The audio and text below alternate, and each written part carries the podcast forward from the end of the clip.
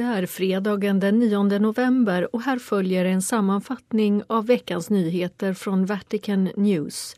Med er i studion är Katarina Agorelius. Påven Franciscus talade om sjunde Guds bud vid audiensens trosundervisning på onsdagen och han sa sammanfattningsvis Kära bröder och systrar, under vår pågående katekes om tio Guds bud går vi nu till det sjunde budet, du ska inte stjäla. Detta bud talar särskilt om stöld och respekt för andras ägodelar men inbjuder oss även att i ljuset av tron och kyrkans doktrin se att skapelsen är ämnad hela mänskligheten. Detta förminskar inte rätten till privat egendom men sätter det i rätt perspektiv. Katolska kyrkans katekes lär oss att den som äger något blir en försynens förvaltare för att få sin egendom att bära frukt och förmedla dess avkastning åt medmänniskan. Vår värld har tillräckliga resurser för att tillgodose alla sina invånare och ändå fortsätter medlemmar i vår mänskliga familj att lida av ett extremt behov och till och med svält på grund av att det saknas sunda ekonomiska beslut som bygger på solidaritet och rättvisa. Kristus, som trots att han var rik blev fattig för vår skull, är förebilden som visar oss att den äkta betydelsen av rikedom står i kärlekens, frihetens och den mänskliga värdighetens tjänst. Påven avslutade den allmänna audiensen sedvanligt med särskilda hälsningar till de närvarande pilgrimerna och bland hälsningsorden vände sig påven till deltagarna i den första internationella konferensen om människorna som nu hålls i Rom och han påminde även om att man på söndag firar hundraårsdagen av Polens självständighet och önskade det polska folket frihet och välstånd och att leva i sitt andliga arv och i broderlig kärlek. Och påven hälsade också på pilgrimerna från fakulteten för kanonisk rätt i Venedig som var på den allmänna audiensen tillsammans med patriarken Monsignor Francesco Moraglia. Och slutligen påminde påven om fredagens firande av den påvliga Lateranbasilikans konsekration. Monsignor Bernardito Oza, den heliga stolens ständiga observatör vid FN i New York, talade vid den 73 generalförsamlingen om effekter av radioaktiv strålning och han påminde om kärnkatastroferna i Tjernobyl och Fukushima. Monsignor Oza uttryckte sin uppskattning för det arbete som FNs vetenskapliga kommitté för atomstrålningens verkningar utför med utgångspunkt från kärnkraftsolyckorna i Tjernobyl i Ukraina och Fukushima i Japan. Han sa att dessa olyckor påminner om hur allvarliga riskerna med kärnenergi är. Monsignor Oza påminde om de som har dött och skadats efter strålskador vid olyckorna och hoppas att dessa blir de enda offren för kärnstrålning. Han sa att Heliga stolen otåligt väntar på att få ta del av slutresultatet av FNs kommitté om katastrofen i Fukushima. Sen uppmuntrade han det nära samarbetet mellan de olika världsorganisationerna på området för att detta kan bidra till en fördjupad kunskap om strålningseffekterna på människan och miljön. Onsdagen den 7 november avslutades andra internationella mötet mellan kristna och taoister i Singapore som de säger i mötets slutdokument har bidragit till att stärka vänskapsbanden mellan de två religionerna.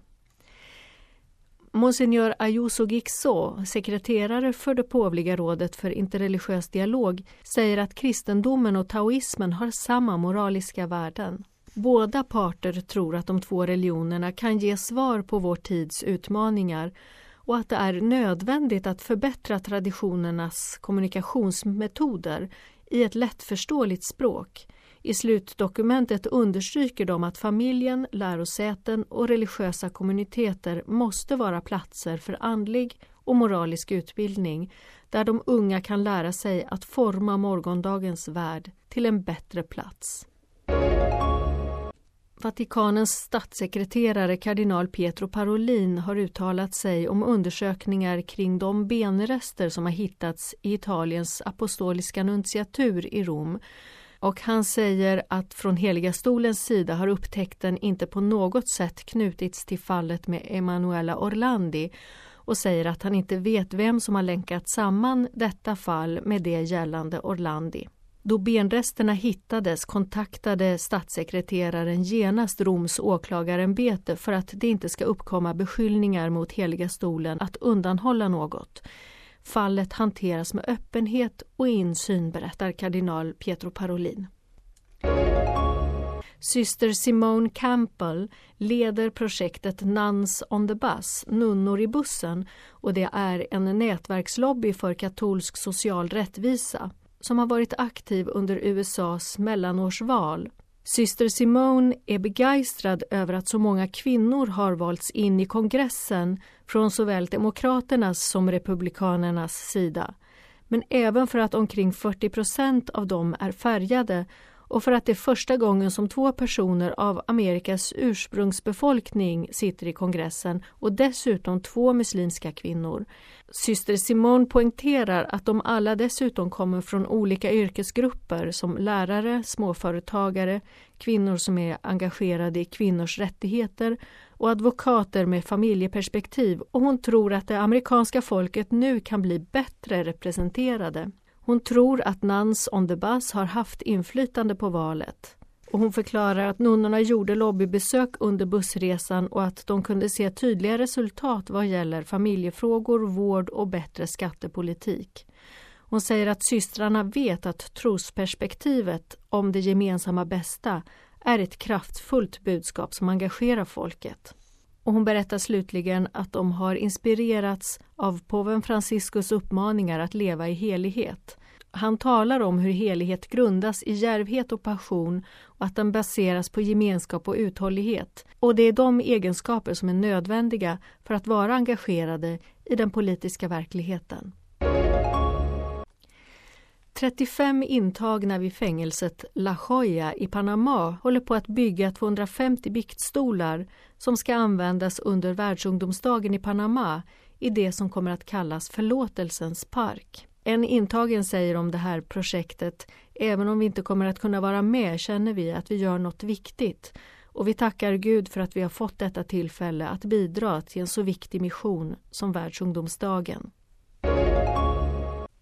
På måndagsmorgonen tog påven Franciscus emot monsignor Bernardo Balman, biskop av Obidos i Brasiliens del av Amazonas regnskog och han presenterade projektet Sjukhusbåten Påven Franciscus som är ett flytande sjukhus som går längs floderna i den brasilianska staten Para. Biskopen presenterade projektet för påven genom en kort video och en båtmodell och berättade att de kan erbjuda medicinsk hjälp i 12 kommuner längs floderna med omkring 700 000 invånare. Och påven passade också på att hälsa till Amazonas invånare och folk. Och påven uttryckte sin stora kärlek till dem som värnar om och älskar jorden, naturen och Gud. Påven Franciscus sände ett meddelande till konferensen Hanteringen av det gemensamma bästa, tillgång till dricksvatten för alla, torsdagen den 8 november som har organiserats av det påvliga rådet för integrerad mänsklig utveckling i samarbete med Frankrikes, Italiens, Monacos och USAs ambassader vid den heliga stolen. I sitt meddelande skrev påven att det är en enormt stor skam för dagens mänsklighet att bröder och systrar världen över insjuknar eller dör på grund av brist på rent vatten. Påven påminde om att han har tagit upp denna fråga i sin encyklika Laudato Si och i sitt budskap till världsböndagen för vård av skapelsen och han berättade att den heliga stolen och kyrkan engagerar sig för att alla ska garanteras tillgång till dricksvatten och att detta engagemang handlar om evangeliets principer och en sund antropologi. Påven inbjöd alla att meditera över vattnets symbolik i de största religiösa traditionerna och det som den helige Franciscus av Assisi sa om vattnet, att det är mycket användbart, ödmjukt, värdefullt och kyskt. Ett italienskt tv-program kallat Ave Maria som bygger på intervjuer med påven Franciscus där han reflekterar över bönen Jungfru Maria sändes i samar sänds i samarbete med sänds i samarbete mellan den påvliga kommunikationsavdelningen och TV 2000. Och i det senaste avsnittet talar påven med fängelsekapellanen i Padova, fader Marco Pozza, om mor och barn. Och påven sa ett barn är en välsignelse, men att det även kan vara ett kors för mamman. Han talade om ett fall i Italien där den 28-åriga Chiara Corbella Petrillo dog för att hon vägrade ta emot vård som skulle kunna ha riskerat barnets liv. Nu pågår en saligförklaringsprocess om henne. Påven sa vidare, man ser inte en mamma utan ömhet. En mamma är den enda som kan förstå sitt barn för att hon lär naken känna det i sin mage och föder det naken. Maria är en välsignelse för oss för att hon är vår nakenhets moder. Synden klär av oss och gör oss nakna och hon klär alltid på oss. Påven understryker att Maria inte är allsmäktig.